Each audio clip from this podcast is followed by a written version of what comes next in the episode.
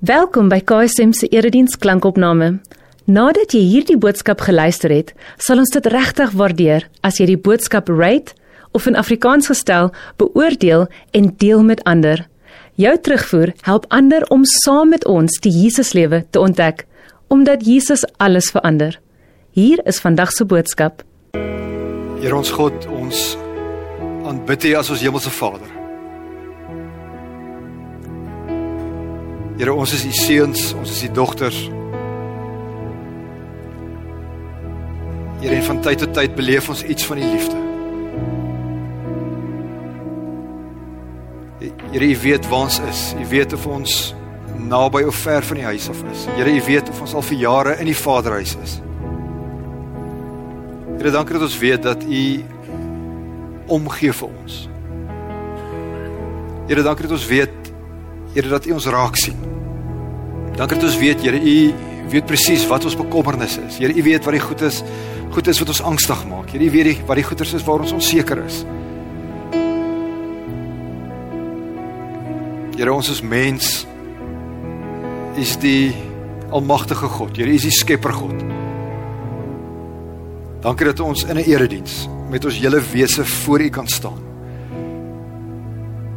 Here, U is 'n God wat bemoeienis maak met ons. U is 'n God wat uitreik. U is 'n God wat met ons kommunikeer. U is 'n God wat met ons wil kommunikeer. Here, waar ons die die skrif, die Heilige Skrif hier, die Ou Testament, die Nuwe Testament. Here mag mag ons iets van U hart, Here, mag ons iets van U wese. In vandag se teksgedeeltes raak sien. Here, mag die die woordverkondiging, die prediking, Here, mag dit U verheerlik. Here, mag mag ons U naam groot maak. Here, kom doen in die volgende paar oomblikke, Here, wat net U kan doen. Amen. As jy 'n Bybel het, Johannes hoofstuk 8. Ek vertel 'n storie van Johannes 8. Ek lees uit hoofstuk 7, hoofstuk 1 en ek lees ook nou 'n gedeelte uit Jeremia. Soos julle blaai, werk gou saam met my. Die van julle wat in die foyer in die babakamer is, dink gou dink gou net saam met my. As jy moet kies, genade of waarheid. As jy jouself in een van hierdie twee kampe moet plaas. Wie van julle sal sê as gevolg van jou persoonlikheid, as gevolg van jou geaardheid, as gevolg van dit wat met jou gebeur het die afgelope 20, 30, 40, 50 jaar, wie van julle sal sê jy's 'n persoon wat meer leun na genade toe? Wie van julle sal beskryf word as 'n genadige persoon? Kan ek gou sien? Wie van julle 'n huismense sal jou beskryf as 'n genadige persoon? Wie van julle aan die kant ook sê sal sal sal wees nee nee nee, ek's bietjie meer swart en wit, waarheid. Wat reg is is reg, wat waar is is waar. Wie van julle is so? Wie van julle ek besef almal het nie kinders nie, Maar wie van julle is die meer genadige ouer? Kan ek dit gou sien? Wie van julle het 'n wie van julle het 'n ma gehad wat baie kwaai was? Wie van julle het 'n ma gehad wat bietjie meer geleun het na die kant van waarheid toe? Kan ek gou sien? My ma was ook so bietjie kwaaier as my as my pa. Alraai. Gou maar die mans, wie van die mans hier was op skool 1994 en vroeër? So ek werk met hierdie begrippe genade waarheid vandag. Wie van julle was by die skool in die moeilikheid? Jy weet, jy en jou vriende is skuldig. Nou as jy daar by die adjunkhoof, jy weet daar's 'n rotting. Wie van julle het in daai oomblikke al gewens hierdie meneer gaan net vir vandag 'n bietjie meer leen na die kant van genade toe. Ek onthou julle daai gewoonlik net soos okay. Ek dink dit het ooit gebeur nie maar alright. So lees in die koerante van 'n van 'n plaasmoord. Dit raak ons volk se harte. Die twee ouens word gevang. Elke dag op netwerk 24. Ons lees daarvan, lees daarvan, lees daarvan. Hulle skuldig. Hulle vingerafdrukke, hulle DNA is oral op die toneel. Nou is dit tyd vir die hofuitspraak. Op nasionale TV, die regter gaan nou al die vonnis oplê. Wie van julle wil hê die regter moet in daai uitspraak genadig wees? In ons konteks in Suid-Afrika, wie van julle wil hê ons regters moet eerder 'n bietjie na waarheid se kant toe leun? Kan ek gou sien? Alraight. Genade en waarheid, hierdie twee begrippe. Wie van julle het nog nie by die werk 'n fout gemaak nie? Kom ons, ek wil almal van ons maak foute. Nou kom ons sê dit was 'n dit was 'n eerlike fout. Engels sal sê dit was 'n honest mistake. Maar jy het 'n fout gemaak. Nou moet jy môre 10uur voor die menslike hulpbronne bestuur se voorsteur sit. Jy moet voor HR verskyn. Maar jy was skuldig. Wie van julle sal wens dat hulle in daai in daai halfuur vergadering bietjie meer genadig bietjie meer genade bewys. So wanneer ons verkeerd gedoen het, wil ons graag hê die mense bo ons moet genade bewys. Wanneer mense ons te nagekom het, wil ons graag hê dat die waarheid moet seëvier. Genade en waarheid, hierdie twee begrippe. Alraai. Johannes hoofstuk 8. Daar's 'n getroude vrou. En sy het seks met iemand wat nie haar man is nie. En die Joodse leiers vang haar. Hulle is daar in Jerusalem, daar's duisende mense en hulle bring hierdie vrou en hulle gooi haar voor Jesus Christus. En hulle sê vir Jesus, Jesus ons te wet. Eerste 5 boeke van die Ou Testament, ons met die Torah, volgens ons wet, moet sy met klippe doodgegooi word. Sy skuldig. Jesus ken hulle harte, Jesus ken hulle motiewe. En hy sê niks nie. Hy sak op sy hurke en hy begin te skryf. Hy skryf in die grond, hy skryf in die stof. Na rukkie staan hy op en hy sê laat die een wat sonder sonde is die eerste klip op haar gooi. Hy sak weer af. En hy skryf verder. In die grond, in die stof, hy skryf op die aarde. En een vir een draai die mans om, die oudstes eerste. En hulle stap weg van Jesus af. Naderhand bly net Christus en hierdie vrou oor. En Jesus vra vir haar het het niemand die oordeel voltrek nie. Het niemand jou reggestel nie. En sy sê vir Here, Here, niemand nie. En Jesus sê vir haar, ek ook nie. Ek veroordeel jou nie. Genade. En dan sê Jesus die volgende: Gaan maar moet van nou af nie meer sondig nie. Waarheid, want Christus weet wat sonde aan ons doen. Christus weet wat dit in ons families doen, aan ons gesinne. Christus weet wat sonde aan 'n gemeenskap doen. So dis 'n insident. 'n Paar oomblikke geduur. Ek wil vir julle die groter prentjie skets van waar binne dit gebeur het. Jesus hulle is in Jerusalem. Dit was die tyd sê hoofstuk 7 vir ons, dit was die tyd van die Hittefees. Die Jode het sewe groot feeste gehad. Die mans, die Joodse mans wat reg oor die wêreld gebly het, moes 3 minstens 3 feeste in persoon in Jerusalem bywoon. So daar was letterlik duisende ter duisende Jode in Jerusalem. Die die, die Hittefees was een van hierdie 3 feeste wat die mans moes by, bywoon. Die Joodse feeste het gedraai rondom hulle landboukalender. Want dit het gegaan oor reën. So planttyd, oestyd. In daai tyd in die antieke tyd het die mense gedink dis die gode wat vir hulle sorg. So as hulle reën nodig gehad het, het hulle 'n fees gehou en hulle het gehoop, gebid tot die gode dat hulle vir hulle reën sou gee. As daar oes was, het hulle die gode weer bedank vir die feeste. So dis in hierdie konteks waar die Here God vir Moses hulle sekere wil vir hulle die opdrag gee om sekere feeste te vier. So die Hittefees was die laaste van die sewe feeste. As jy 'n ortodokse Jood ken, hulle vier hierdie fees hier rondom Oktober maand vanaf die 9de tot die 16de Oktober. Die afgelope week is die Hittefees in 2022 gevier. So die Hittefees was net vir die vir die reenseisoen. En tydens hierdie fees wat 8 dae geduur het, vra hulle heeltyd vir die Here, Here, stuur vir ons reën, stuur vir ons reën, stuur vir ons reën. Want as dit nie gaan reën nie, gaan ons nie kos hê nie. As ons nie kos het nie, gaan ons nie kan bly lewe nie. Wie van julle weet hoekom is dit die Hittefees genoem?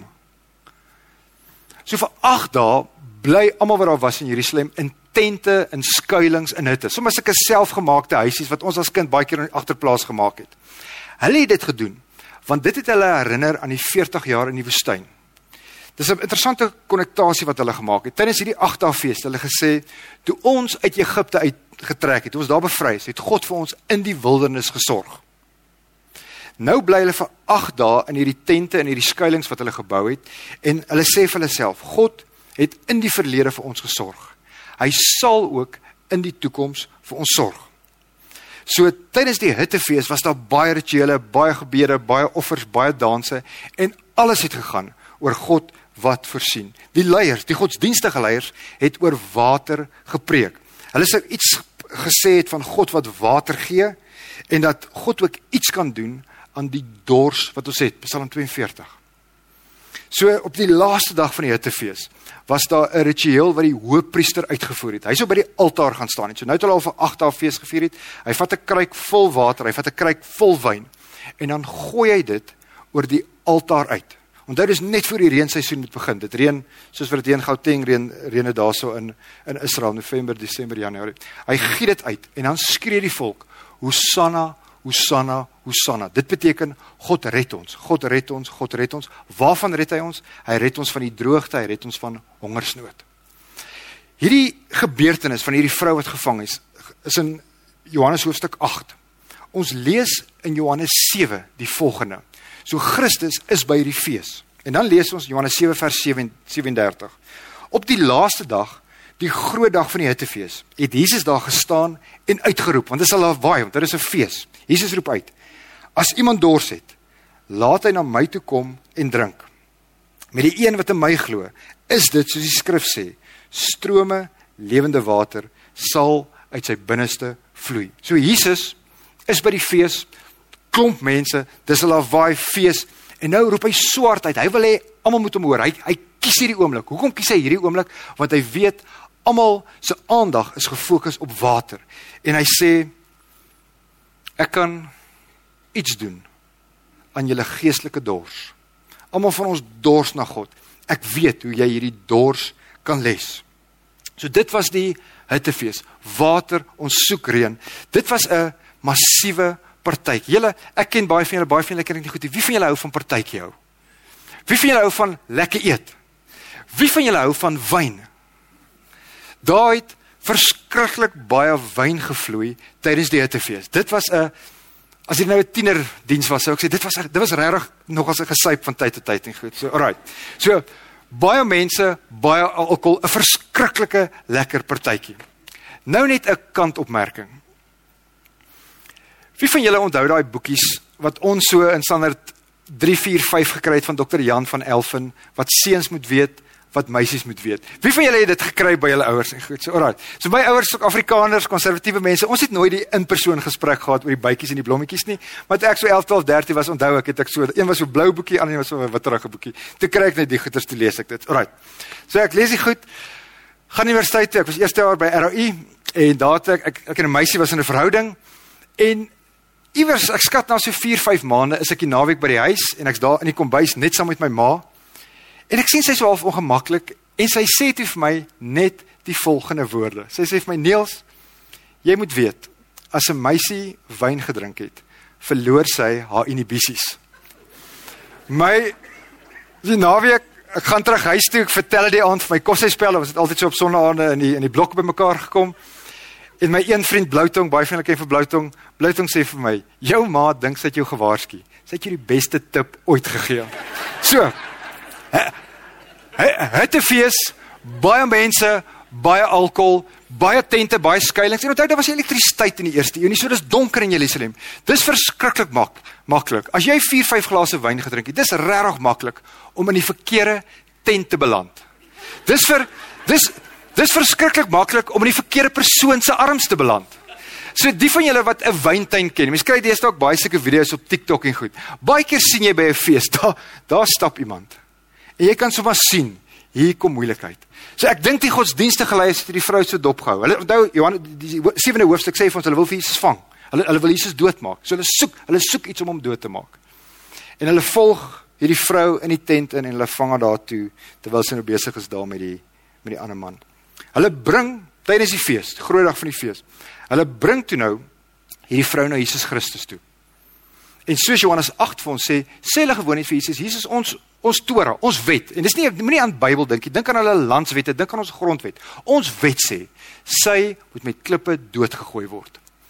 Jesus kon vir hulle die volgende gesê het. Hy kon vir hulle gesê het: "Julle idiots. Julle weet ons Jode is eintlik maar 'n klomp plebs hier so in Jerusalem. Ons staan onder die Romeinse reg en julle weet so goed soos ek, ons mag nie mense teregstel in in Jerusalem nie." Maar Jesus doen dit nie. Al wat hy doen is hy sak op sy hurke en hy skryf in die grond. Ons weet nie en ek wil dit duidelik sê vandag. Ons weet nie wat Jesus Christus geskryf het in die grond nie. So as ek nou gaan praat daaroor, is dit 'n gewone teorie, ek werk met 'n stuk kommentaar. Daar's van die ouens wat sê Jesus het die name van hierdie godsdienstige leiers se lovers op die grond geskryf. En een vir een draai hulle om en hulle stap weg. Maar daar's ook 'n ander teorie. Kom ons sê ek het sjokolades gehad en ek vra die vraag, wat het die godsdienstige leiers die afgelope 8 dae gedoen? Wat sou jou antwoord gewees het? Dis nie 'n stryk vraag nie. Hulle was by die Hulle was by die fees. Wat was die godsdienstige leiers se rol by die fees? Hulle het gepreek, hulle het die mense geleer. Waaroor het hulle tydens die hittefees wat voor die reenseisoen was, waaroor het hulle die mense geleer? Hulle het die mense geleer oor die geestelike betekenisvolheid van water. En nou is die vraag, uit watse gedeeltes in die Ou Testament het hulle gepreek? Wat was die teksgedeeltes in die profete en die wet wat hulle gebruik het? Een van die gedeeltes wat hulle gebruik het was 'n gedeelte uit Jeremia hoofstuk 17. Hoor hierdie woorde, die Here God praat. Jeremia 17 vers 13. Daar lees ons. Die Here sê: Wie van my af wegdraai, sal in grond geskryf word. Engelse vertalings will be written in the dust. Die Here sê, wie van my af wegdraai, sal in grond geskryf word, omdat hulle die fontein van die lewende water, die Here verlaat het. So hoor gou hierdie woorde. Die Joodse leiers, die godsdienstige leiers, hulle ken die teks. Hulle was vir die afgelope 8 dae besig met hierdie teks. En Christus wat vol van waarheid is, vat hierdie Joodse leiers, hy vat die godsdienstige leiers aan. Die godsdienstige leiers was wel vervleg met die politieke elite en saam het, het hulle die Here Jerusalem, die Here tempel, hulle het dit alles vrot gemaak. Dit het nie goed gegaan met die godsdienst van Israel in daai tyd nie. Daar was net korrupsie en 'n stuk oneerlikheid. So Jesus Christus wat vol van waarheid is, vat hierdie ouens wat hierdie vrou wat oorspel gepreek het. Jesus vat hulle aan deur hulle name in die grond in die in die stof te skryf. En hulle is nie stupid nie. Hulle weet wat Jesus hier doen. En soos hulle hulle name daar sien, besef hulle hulle en nie hierdie vrou nie. Hulle is die ouens wat die afgelope klomp jare hulle rug op God gedraai het. Hoekom doen Jesus dit? Want hy is vol vol waarheid. Jesus kan hom nie blind hou vir sonde nie. Jesus kan hom nie blind hou vir mense wat 'n volk, 'n hele 'n hele generasie weggelei van hom. Jesus wat vol van waarheid is, klim in hierdie mense in. Maar paar maande later sterf Christus. Het hy ook gesterf vir die Joodse leiers? Beslis. Hy is die lam van God vir die sonde van die wêreld weg. Wat hy hy self is een wat gesê het, ek het nie gekom te oordeel, ek het gekom om te red. Paulus sê vir ons die hele Israel sal gered word. So hy's vol van waarheid. Hy vat hierdie ouens aan. Maar hy's ook vol genade. Hy sterf op Golgotha ook vir hulle. Dink aan die vrou, hierdie storie wat ons van ons kinderdae af ken. Hy veroordeel haar nie. Hy het die reg gehad. As Joodse rabbi kon hy gesê het, "Oké, okay, kom ons gaan daar aan die uithoeke toe." Daar waar die van Pontius Pilatus nie, wat nie weet wat aangaan nie. Kom ons gaan steen gaan daar. Hy kon dit gesê het. Maar Jesus wat vol genade is, sê nee, ek veroordeel haar nie. Maar hy's vol waarheid. En hy sê vir haar gaan en moet van nou af nie meer sondig nie. Want hy weet sondig vernietig 'n mens sonde vernietig 'n mens. Sonde ek weet nie om dit anders te sê nie sonde voeter jou lewe op. Jou lewe maar ook jou gesinslewe ook jou familie se lewe ook die gemeenskap se lewens. Christus is vol genade. Hy's vol waarheid. Ek wil ratte ratte verwissel en ek wil so vir ons vir ons afsluit. Een van die aardse mense een van die mense wat op aarde was wat Jesus die heel beste geken het, was die disipel Johannes. Hy was een van die drie ouens wat in Jesus se binnekring was. Ons lees in die teks. Jesus was ook baie lief vir hom. Hy was waarskynlik net sommer net 'n nice ou, liefdevolle mens. So Jesus het baie van hom gehou. Hy is ook die disipel wat die langste geleef het volgens die geskiedenisbronne wat ons het. So hy het baie ouer geword as die ander disipels. Baie van hulle is vroeër dood. Johannes was 'n leier van 'n gemeente en hy word ouer. En iewers het sy gemeentelede, sy geloofsfamilie vir hom iets begin sê soos Johannes, jy het Jesus gesien. Jy het aan hom geraak. Jy skryf dit in jou briewe. Jy jy het gesien hoe hy gewerk het. Jy het sy jy het saam met hom gekuier. Jy het gesien hoe hy die die moeilike kompleksiteit van hierdie lewe navigeer. Jy, jy het alles gesien. Wil jy net vir ons neerskryf nie? Wil jy nie vir ons dit op skrif sit nie? Jy gaan nie vir altyd leef nie. Ons word ouer. Ons wil hierdie waarhede van Jesus Christus wil ons bewaar vir ons kinders en vir ons kleinkinders. En op 'n dag baie laat, dalk hier so in die jare 80, 90, skryf Johannes wat ons vandag noem die evangelie van Johannes. So hy hy hy teken hierdie memoirs wat hy het van Jesus Christus op. Jesus se lewe, sy sterwe, sy opstanding. En dan begin hy hierdie dokument wat hy geskryf het. Dan begin hy om iets te sê oor Jesus Christus en hy sê vir ons die volgende. Ons kry dit in die wat ons noem die proloog van Johannes, Johannes 1. Hy sê die volgende: Die ware lig wat elke mens verlig, was aankom na die wêreld toe. So hy skryf vir Christus. Johannes 1, dan lees ons in vers 10. Hy was in die wêreld. Die wêreld het deur hom tot stand gekom en tog die wêreld hom nie erken nie. Hy het na sy eie eiendom toe gekom en tog het sy eie mense hom nie aangeneem nie. Dan lees ons in vers 14: Die woord het mens geword en onder ons kom woon. Ons het sy heerlikheid gesien. As hy sê ons, praat hy nie van ons as kerk sonder mure nie. Hy praat van hy en die boeis. Hy en Petrus, hy en Jakobus, hy en Filippus, hy en Nathanael, hy en Maria Magdalena, hy en Maria die ma van Jesus Christus. Hy sê ons het sy heerlikheid gesien die heerlikheid wat hy as die enigste seun van die Vader het. En dan gee hy vir ons hierdie begrip. Hy sê vol van genade en waarheid. So Johannes, ons besef taal beperk ons, maar Johannes gee vir ons 'n begrip. Jy jy, jy het Jesus dopgehou. Jy was saam met hom. Beskryf Jesus vir ons. Ons het hom nie gesien nie. Wil nie een van ons het vir Christus gesien nie. Ge, gee vir ons iets. En dan sê hy hy's vol genade en hy's vol waarheid. Nie 50% genade en 50% nie. Nie dat daar 'n balans is tussen genade en waarheid nie. Vol genade, vol waarheid. Dis wie Jesus Christus is. Genade vir ons vandag in Suid-Afrika. Genade, beteken iets soos jy's vergewe. Waarheid sal wees jou dade het gevolge. Maak nie saak of jy Christen of 'n moslim is nie. Maak nie saak of jy baie skepties oor die kerk is en of jy uitverkoop is aan Jesus Christus nie. Waarheid is ons dade het gevolge. Genade sal sê as ek Engels gaan gebruik, genade sal iets wees soos jy's fine, jy's okay. Waarheid sal wees ek en jy moet werk aan onsself. Genade sal iets sê soos ons is almal van ons, ons is broos, ons is feilbaar. Waarheid sal wees ons moet breek met die sonde. Nie een van ons het die vermoë om te kan vlieg nie.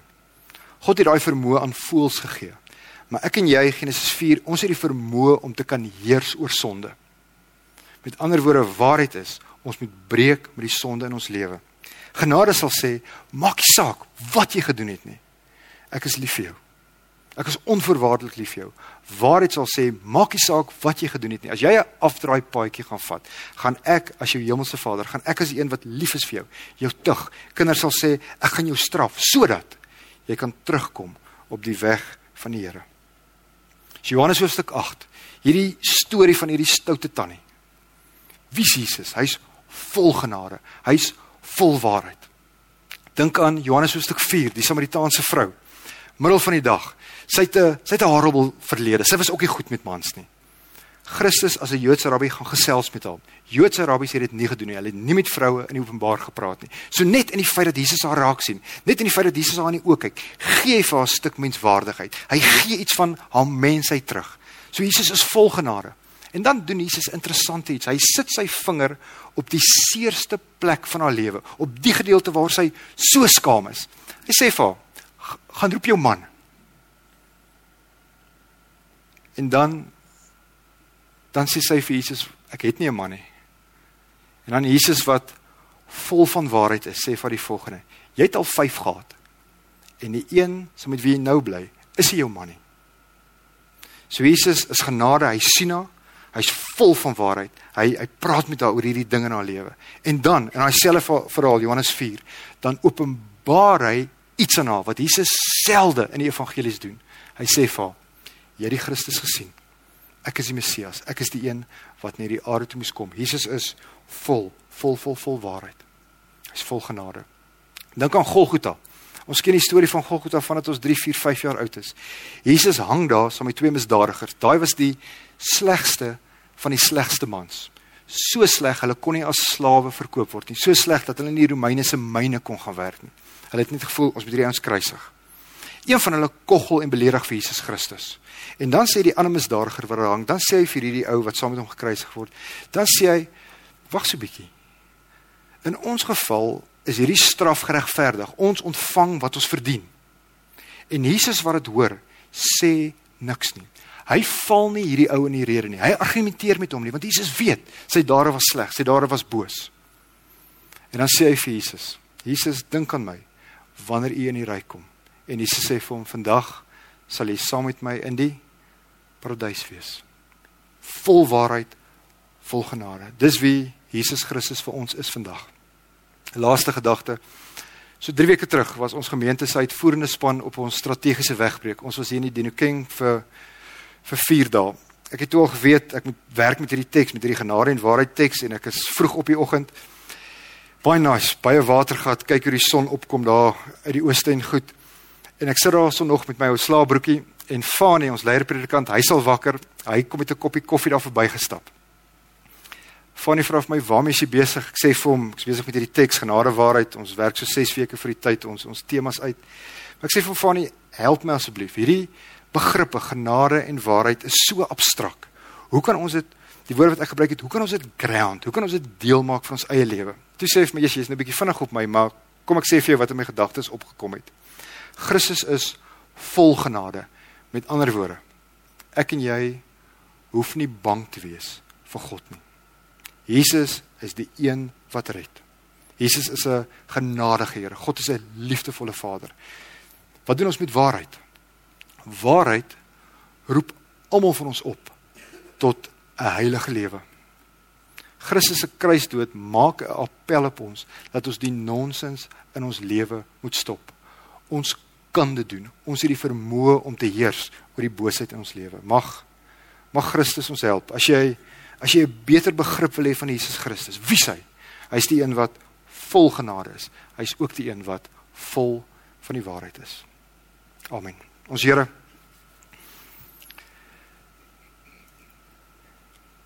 Here, ons het U nie gesien nie. U weet ons was nie daar toe U met mense gewerk het nie. Here, ons het nie gesien hoe U met tollenaars en sondaars omgaan nie. Here, ons was nie daar toe U al hierdie gelykenisse vertel het nie. Ons was nie daar tydens die Hittefees nie. Here maar U weet, ons het 'n honger, ons te dors na U. Here, U weet, ons wil U ook beter leer ken. Here mag ons in hierdie seisoen van ons lewe, Here mag ons beweeg in 'n rigting waar ons die volheid van U genade raak sien. Here, mag ons ook die volheid van U waarheid raak sien. Here mag ons as 'n as 'n kerk, as 'n geloofsfamilie, Here mag ons Mag ons groei in ons genade, maar meer as dit, Here, mag ons groei in waarheid. Ons kan dit nie sonder U doen nie. Here, ons het U Gees nodig. Ons het die Gees van Christus nodig. Here, ons het die Heilige Gees nodig. Kom maak ons, kom maak ons 'n 'n kerk, 'n gemeente, Here. Kom maak ons 'n gesin, Here. Maak ons individue wat in genade leef. Here, maak ons ook 'n groep mense wat die waarheid najag. Ons weet, Here, is die is die weg, die waarheid en die lewe. Here, mag ons iets van die lewe ervaar. Here, mag ons iets meer van hierdie lewe smaak soos ons U beter leer ken. Dankie Here dat U dat U hier is. Dankie dat ons weet dat U lief is vir ons. En Here, dankie dat ons weet dat U ook hierdie week voor ons gaan uitgaan. Amen. Indien hierdie boodskap vir jou betekenisvol was, oorweeg dit om in te teken vir ons nuusbrief, waarin ons weekliks hulpbronne en opkomende gebeure by KSM deel, sodat ons saam die Jesuslewe kan ontdek. Besoek ksm.co.za en word deel.